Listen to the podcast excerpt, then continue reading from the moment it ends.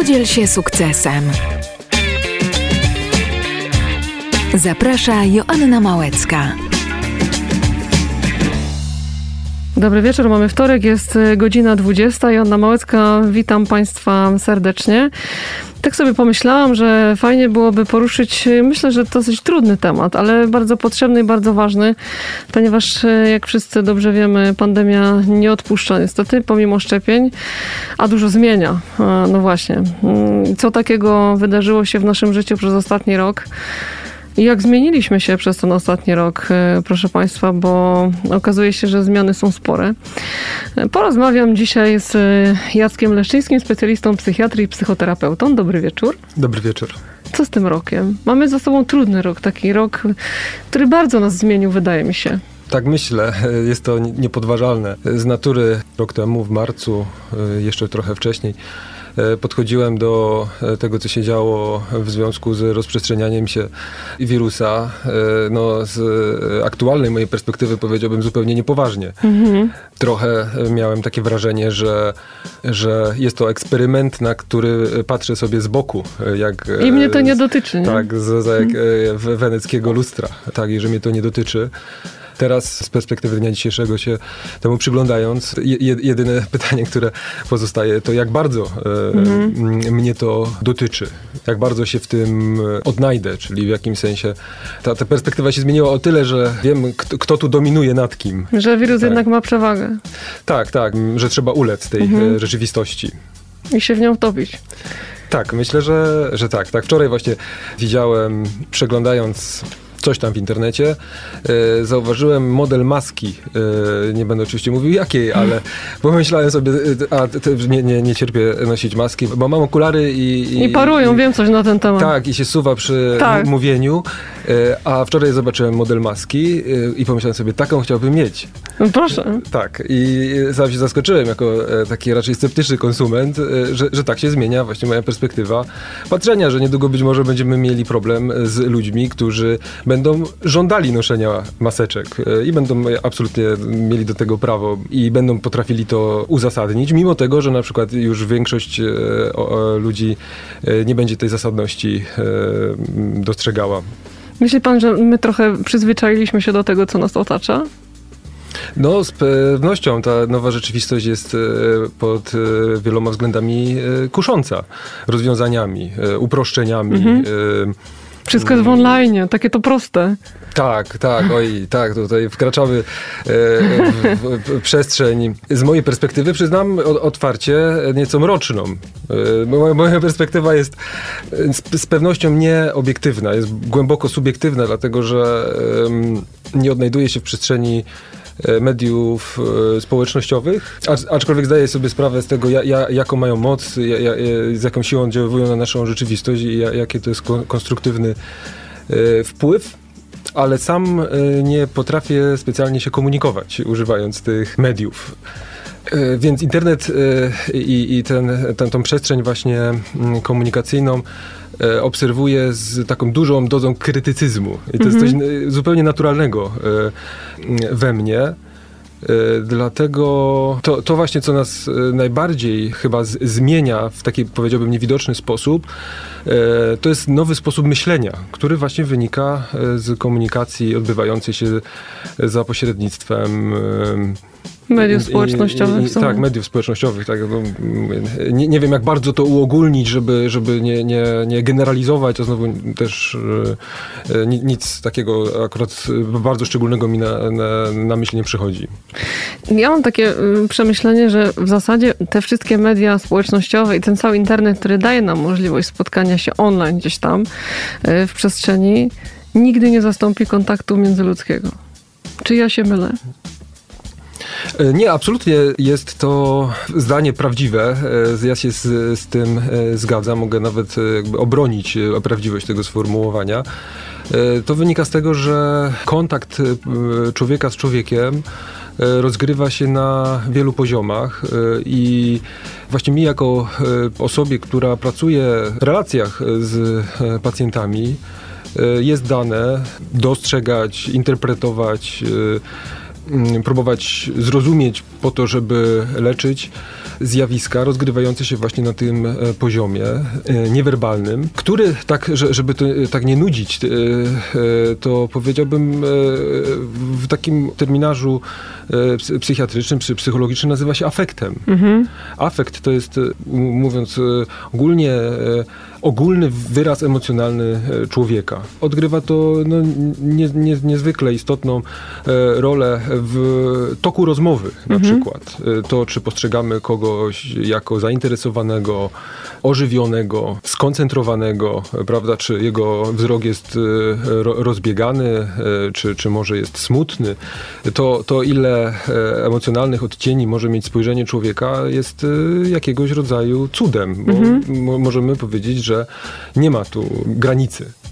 A y, ogromnym ograniczeniem jest ekran komputera, dźwięk y, y, z głośnika. Mm, właśnie w do, dostrzeganiu tych E, subtelności, co, co znów zubaża relacje, ale z drugiej no strony z drugiej strony jest to kuszące.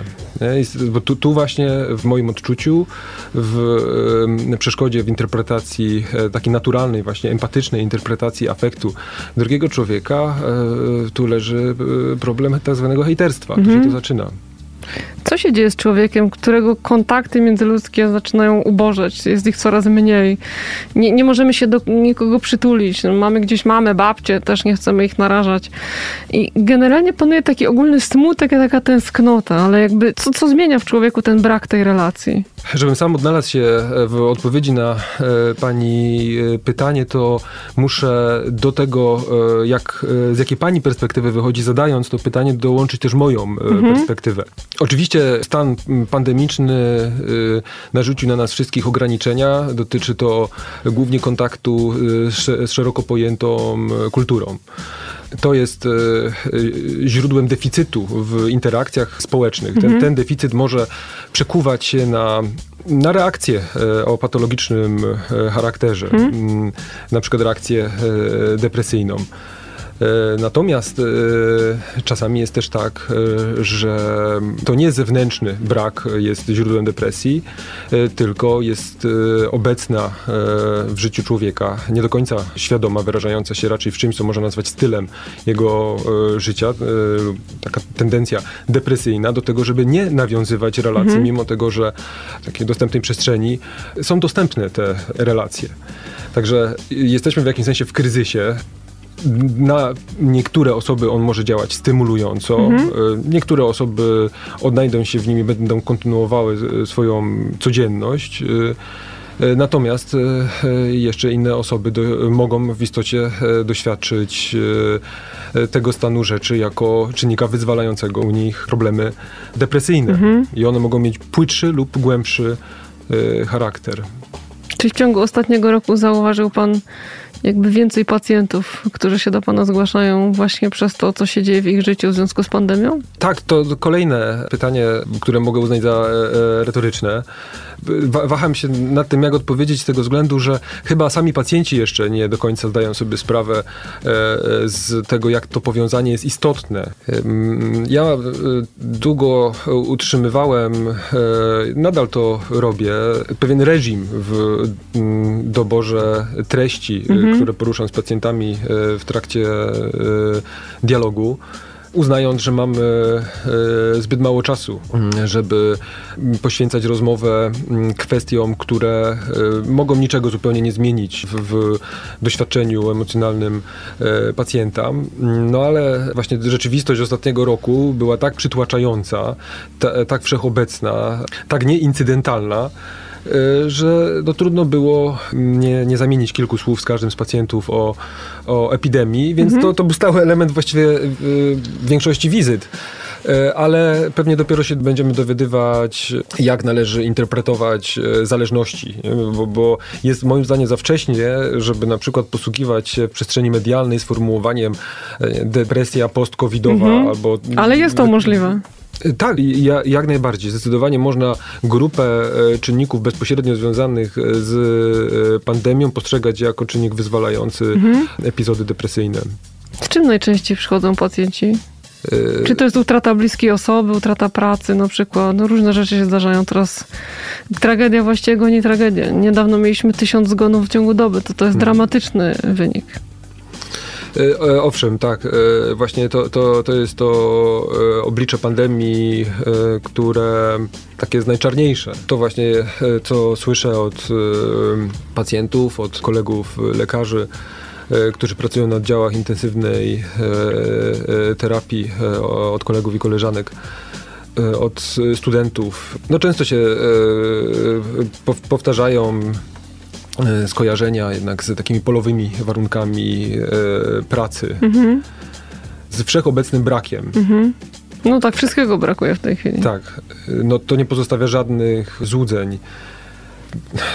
To, trudno o tym mówić po prostu, ale też ci pacjenci, e, którzy są e, e, w szpitalach, oni często pozostają niemi. Właśnie tak jak pani wspomina, te tysiąc zgonów. Tak. To, to są, często to są sytuacje, które czy, czy leczenie, czy mm, zakończone sukcesem czy nie, no to, to, to są doświadczenia bardzo bolesne, które z pewnością wymagają e, odpowiedniej uwagi, od- odpowiedniego zrozumienia, które musimy dopiero zdobyć, no bo właśnie wiele z tych e, doświadczeń trzeba dopiero jakby wypatrzeć, e, czy, czy tych potrzeb trzeba wyszukać, bo no, to są pacjenci, którzy sami nie opowiedzą się za sobą, jakby z, z racji rzeczy. Jest wiele grup e, e, pacjentów znajdujących się w podobnej e, sytuacji, którzy ze względu na swoją słabość nie zabierają głosu. No i to jest jedna z tych problemów.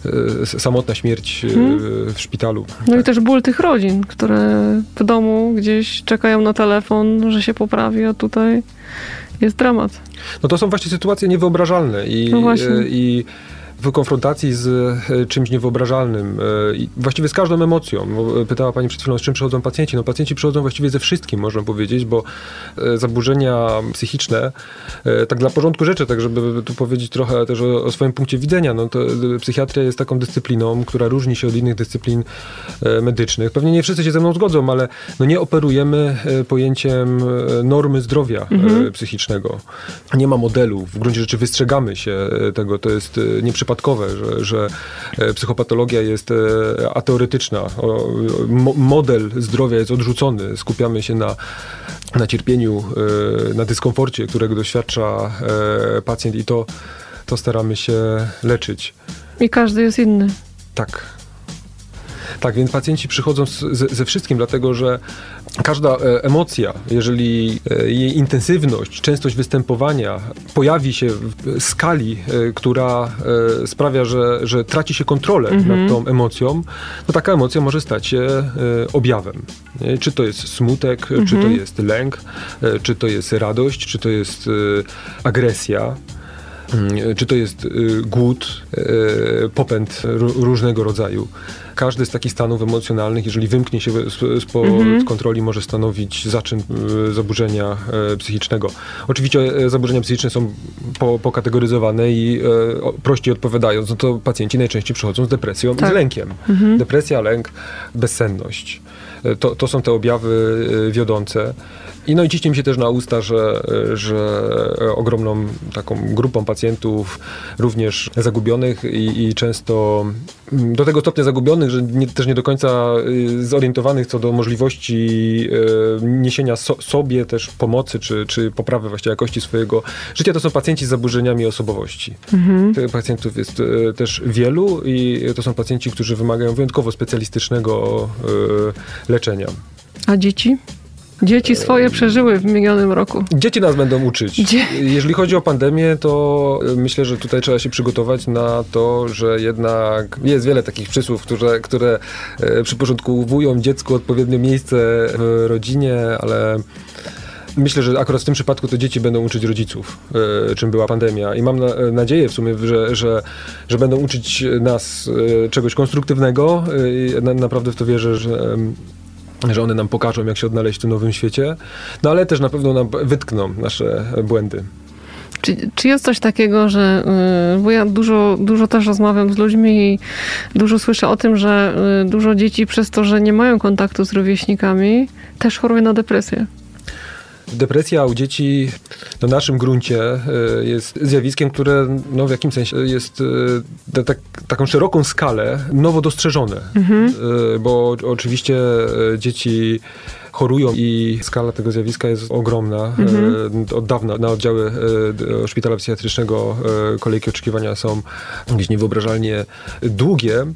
Mm, natomiast sami rodzice, to, z tego co ja obserwuję, sami rodzice częściej mówią o tym, że ich dzieci mają e, depresję. E, to różne zjawiska oczywiście e, oznacza. Czasami rodzice diagnozują trafnie, czasami nietrafnie. Mhm.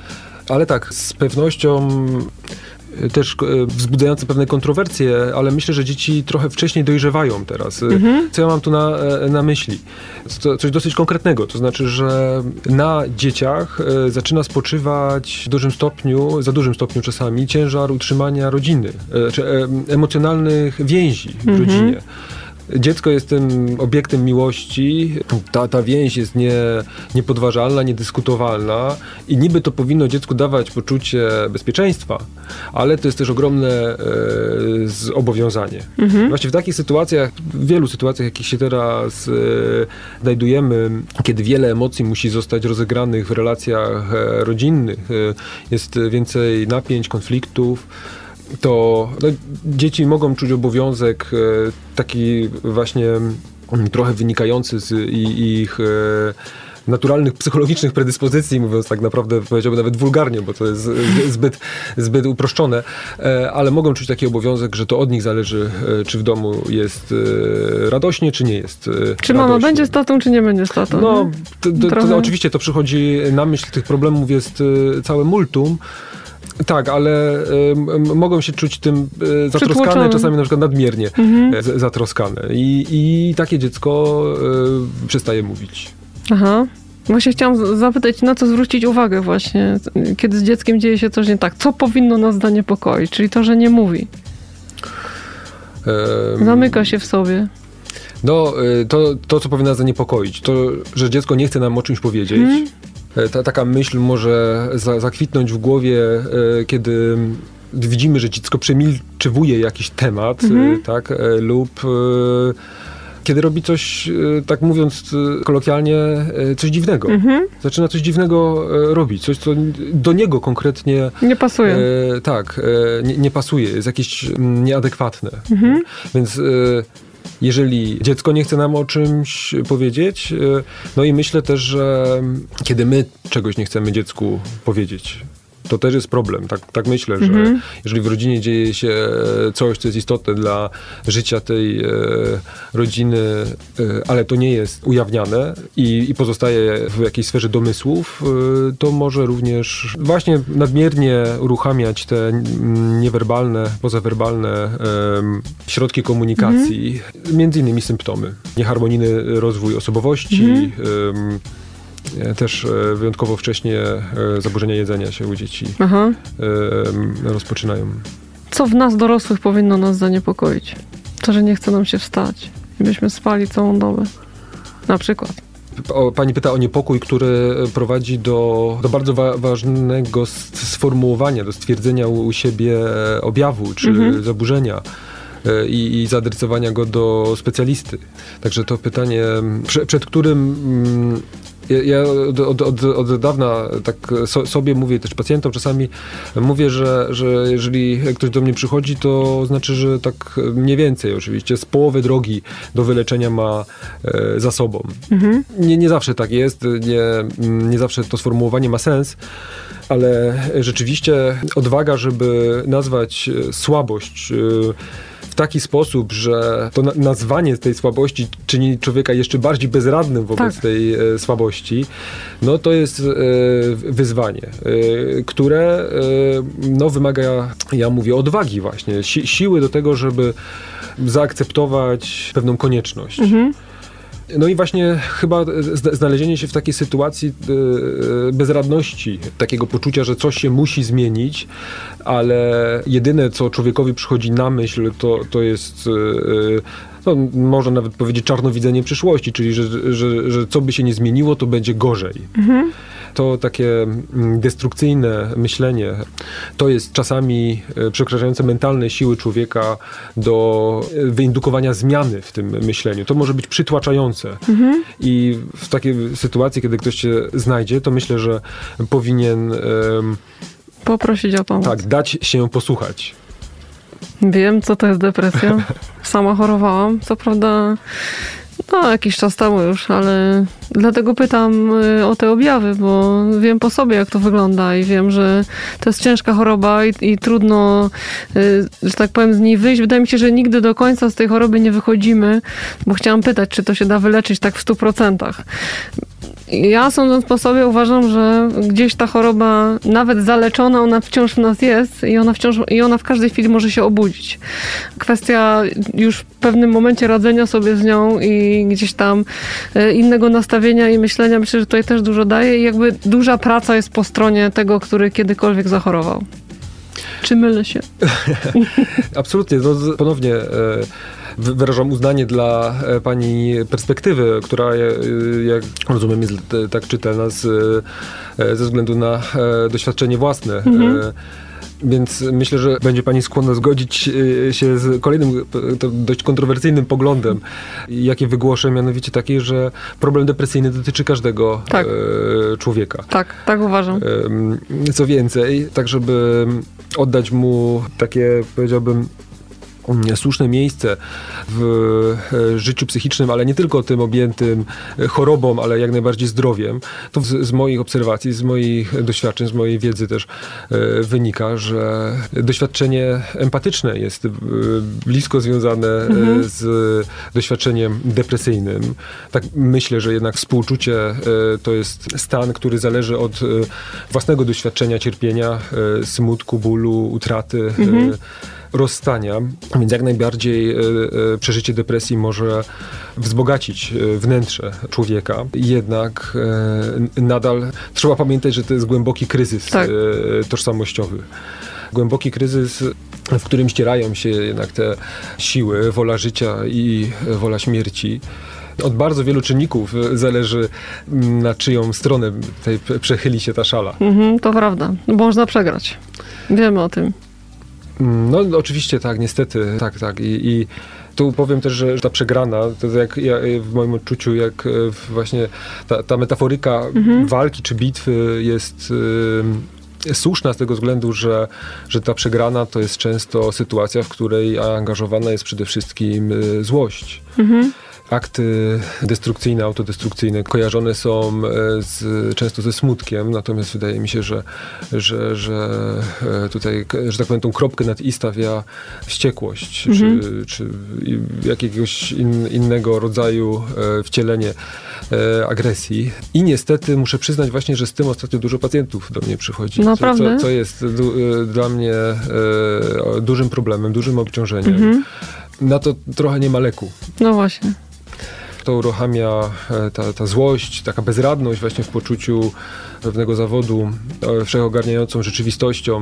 Tak, to jest e, coś, co chyba zbyt głęboko do, do, dotyka jakichś egzystencjonalnych problemów, mhm. żeby można było rozwiązywać te takie problemy przy użyciu leków. Także ludzie są wściekli, tak bym określił.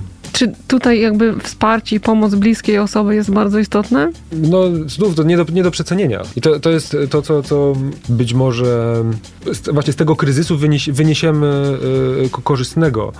Trochę jesteśmy skazani na tą y, bliskość. Y, ta taka tak najprostszej, najprościej schematyzawiając, mhm. funkcjonowanie człowieka, no to są te trzy przestrzenie, przestrzeń zawodowa, życia rodzinnego, życia towarzyskiego, mhm. e, powiedzmy. E, Dzisiaj to, mocno tak, okrojonego. Tak, to wszystko się teraz pozacierało, tak. a te przestrzenie, one były ważne, bo one służyły mhm. do tego, żeby w różnych przestrzeniach używać e, do budowania relacji różnych tak. emocji. A teraz niestety ty, tych przestrzeni do takiego dojrzałego odreagowywania emocji mamy mało i to się mhm. rozgrywa w domu. No właśnie. I jak, jak to się odpowiednio pokieruje, no to może po, pozostawić dużo dobrego. No ale to y, wymaga dojrzałości, y, sporej dojrzałości. No i duża pracy w nas samych jest prawdopodobnie w tym tak, wszystkim. bez końca.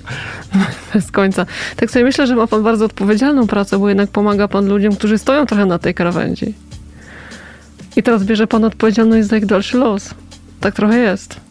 No, y, gdy, gdybym rzeczywiście w istocie tak robił, że brał odpowiedzialność za los y, moich pacjentów, to no nie mógłbym wykonywać y, tego zawodu, bo jednak no życie moich pacjentów podąża takimi ścieżkami, którymi ja nie chcę mhm. podążać. Często ktoś musi wybrać. Mm, staram się raczej przedstawiać w dialogu e, z pacjentami pewną perspektywę e, patrzenia na doświadczenie e, emocjonalne. Więc tak bym powiedział, że ja raczej stoję w miejscu. Mhm. Nie podążam za pacjentami, tylko stoję w miejscu albo siedzę raczej w miejscu i staram się dzielić tą swoją perspektywą. No i wiele zależy od tego, czy ktoś będzie chciał utrzymywać mhm. kontakt z tym źródłem interpretacji, e, które mają terapeutyczny e, charakter, czy nie będzie chciał utrzymywać mhm. kontaktu z tym źródłem. Oczywiście tu pojawia się problem mm, relacji. Tak? Relacja zależy od obu budujących ją stron. Czy więcej kobiet choruje na depresję, czy mężczyzn?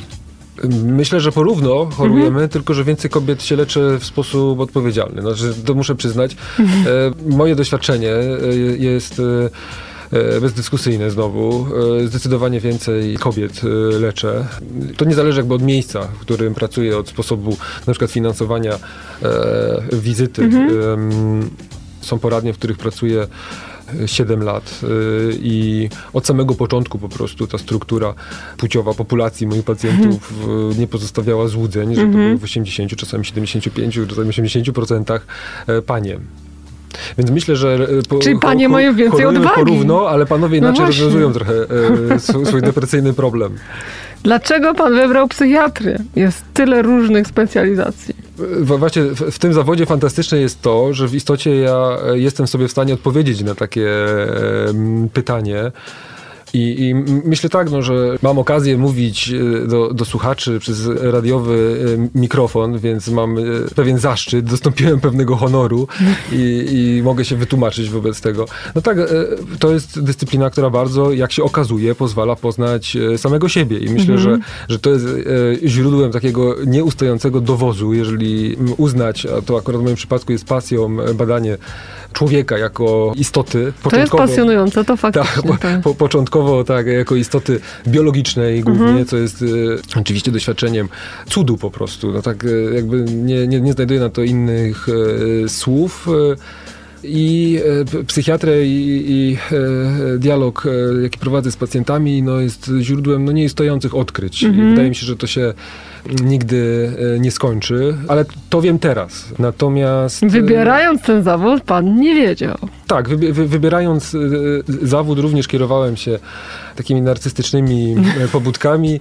Dobrze czułem się w szpitalu psychiatrycznym jako mhm. lekarz. Jakoś odnajdywałem się w tej społeczności bo to jest ciekawa sprawa, ale nadal pacjenci w szpitalach e, psychiatrycznych e, stanowią społeczność i jest to mhm. Element e, terapii, który jest jakby prowadzony jak każdy inny element propozycji terapeutycznej, jaką dostaje pacjent w szpitalu, czyli pacjenci są organizowani w pewien sposób mhm. w społeczność. Tak, więc w tej społeczności się dobrze czułem. Lubiłem rozmawiać z pacjentami bardzo mnie ciekawiły ich e, historie. Jakoś czułem, że można doświadczyć takiej relacji z pacjentem aktu niesienia pomocy, mhm. takiego aktu czynienia czegoś dla kogoś e, innego. I nadal cieszę się z tego, co robię, bo doświadczam e, tego, aczkolwiek pacjenci nauczyli mnie w, ty, w ciągu tych ponad 10 lat tak wiele, mhm że, że, no właśnie ta, ta, proporcja, kto co komu daje, jest w pewnym sensie zaskakująca, że, że jednak przystępując do, do, tego zawodu, kiedy człowiek staje się autorytetem od tak poważnych spraw jak życie emocjonalne, no to wiele się rzeczy na początku po prostu nam wydaje, mhm. że, że, że coś wiemy, a potem dopiero się dowiadujemy od innych, z wielu różnych e, perspektyw, jak inaczej można na pewne sytuacje patrzeć, czy jak można życie przeżywać mhm. inaczej. Mhm. Czego nauczyli pana pacjenci? Trudne pytanie. No, e, ja znam odpowiedź na to pytanie, ale nie wykrztuszę e, z, z siebie tej odpowiedzi. Cierpliwości? No tak, tak, tego wszystkiego właśnie. Tak. Pokory? No myślę, że w jakimś sensie bycia człowiekiem, mhm. bo w jakimś sensie, żeby e, stać się e, lekarzem, to to, to było szaleństwo, to był ob, obłęd. Nie? 18, czy akurat ja miałem 17 lat, e, jak decydowałem się na medycynę to był obłęd. Na pewno nie każdy lekarz e, tak myśli, oczywiście to jest moja zupełnie prywatna perspektywa, ale to jakby nie miałem pojęcia, na co się pisze, mimo tego, że powinienem wiedzieć, bo mm -hmm. mam mhm. w bliskim kontakcie osoby, które mi to mówiły, e, ale ja podjąłem tę decyzję, e, nie wiedząc, co w, w gruncie rzeczy robię. I potem odnalazłem się w psychiatrii. Trzeba uznać, że to, co widzą w e, psychiatrze pacjenci, to co ludzie we mnie widzą, to jest tak samo ważne jak to, co ja w sobie e, widzę. Hmm, wo wobec tego trzeba mieć spory dystans e, do, do siebie i to jest, ja wiem, że tego nie mam, ale chciałbym to mieć. Ale w jakim sensie trzeba potrafić dać się ludziom użyć. O, y, tego jeszcze nie słyszałam. No, y, ciekawe Trzeba potrafić, ja bym tego nie chciał oczywiście e, robić tak w takim jakimś rozdawniczym stylu właśnie, mm -hmm. ale myślę, że każdy z nas w jakimś sensie dobrze by było, żeby się tego nauczył, żeby umieć użyć innych ludzi do czegoś w swoim życiu, tak, mhm. tak, żeby ich nie ranić, tylko żeby oni się czuli potrzebni. Mhm. No i, siebie też tak pod, podsunąć innym do e, użycia, żeby mieć e, e, z tego satysfakcję taką altruistyczną, mhm. ale też trochę narcystyczną. Dla, dlatego ja, ja sam się uczyniłem psychiatrą, mm, bo to nie jest aż takie trudne, żeby skończyć tą ścieżkę edukacyjną. A, ale zdecydowanie e, psychiatrą czynią mnie też e, e, moi pacjenci. Mhm. Nie? Także to jest taka jakby druga szkoła. Czy dziś z perspektywy czasu podjąłby pan inną decyzję, czy też poszedłby pan na psychiatrę? Pan to lubi. Nie, na pewno, na pewno bym poszedł na psychiatrię. Pan to nie? lubi. Pytanie tylko, jak długo bym się zastanawiał i co by wchodziło e, w grę, ale nie mam żadnych wątpliwości, że ostatecznie bym wy, wybrał e, e, psychiatrię, ale pewnie uległbym jakiejś chwilowej fascynacji czymś innym. Czy pan jako psychiatra czasami też potrzebuje kogoś, żeby się wygadać? Tak jak panu opowiadają się pacjenci? Tak, tak, oczywiście. Dziś trzeba upuścić emocje. No, ja spotykam się z e, superwizorem e, i w ten sposób mhm. E, takiej zorganizowanej przestrzeni próbuję opanować emocje, które towarzyszą pracy. Pomaga? Oj tak, nie, nie, nieoceniona pomoc. Mm. Powiem tak, że, że, że nadal, bo, bo to, to jest relacja z bardziej doświadczonym kolegą, terapeutą, więc to, to jest relacja, która, jak każda relacja terapeutyczna, wzbudza opór. Również mm -hmm. ja mam opór przed superwizją, no więc cały czas jest dla mnie źródłem, powiedziałbym, pewnych za, za, zaskoczeń. Jak pani się pyta, czy, czy pomaga, to powiem tak i to jak, tak bym powiedział. Czy, tak jak już podsumowując naszą rozmowę, jeżeli widzimy, że coś się z nami dzieje złego, albo ktoś nam mówi, że coś się dzieje złego, e, lepiej się przyznać do tego i poprosić o pomoc, mieć w sobie tą odrobinę odwagi, czy gdzieś tam samemu próbować to zwalczyć? No, mam nadzieję, że, że to będzie satysfakcjonująca odpowiedź, a nie wykręcenie się od odpowiedzi, ale bym powiedział, że najlepiej to e, powiedzieć komuś o, e, mhm. e, o, o, problemie, ale z taką świadomością, że właśnie w taki sposób sobie sami mm, pomagamy. Dlatego tak do, dobrze jest w, właściwie mieć e, to doświadczenie e, depresyjne w jakiejś mhm. e, skali przeżyte, dlatego że wtedy wiemy, że to nie jest właśnie takie najlepsze, żeby na przykład na czyjąś deklarację smutku, czy, czy właśnie przygnębienia, mhm. rezygnacji, żeby odpowiadać optymizmem. Wydaje się, że, że w związku z tym, że, że jednak depresja to jest e, problem em- emocjonalny, a nie Mhm. intelektualny. Tutaj mówimy o uczuciach, które się nie podporządkowują e, słowom. E, Zupełnie nie. Idą w drugą stronę zupełnie. Więc trze- trzeba zrozumieć właśnie pewną naszą zależność od emocji i pewne, pewne tempo y, procedowania, czy przeżywania, metabolizowania emocji. Czasami lepiej jest nawet bardziej przyjąć ten smutek y, depresyjnego pacjenta.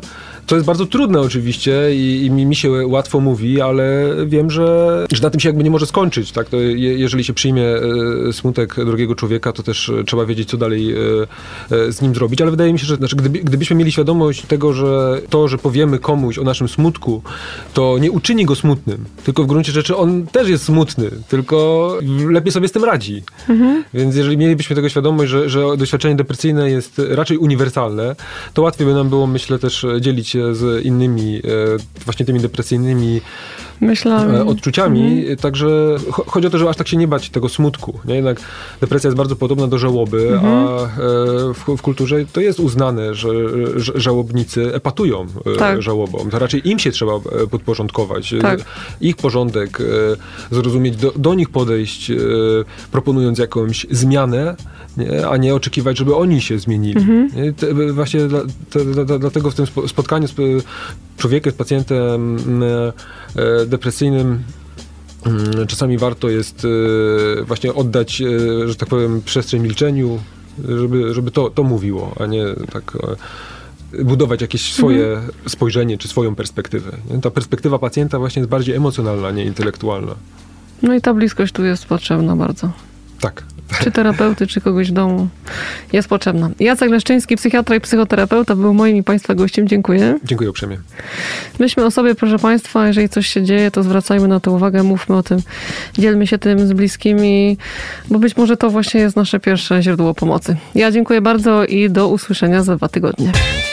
Podziel się sukcesem.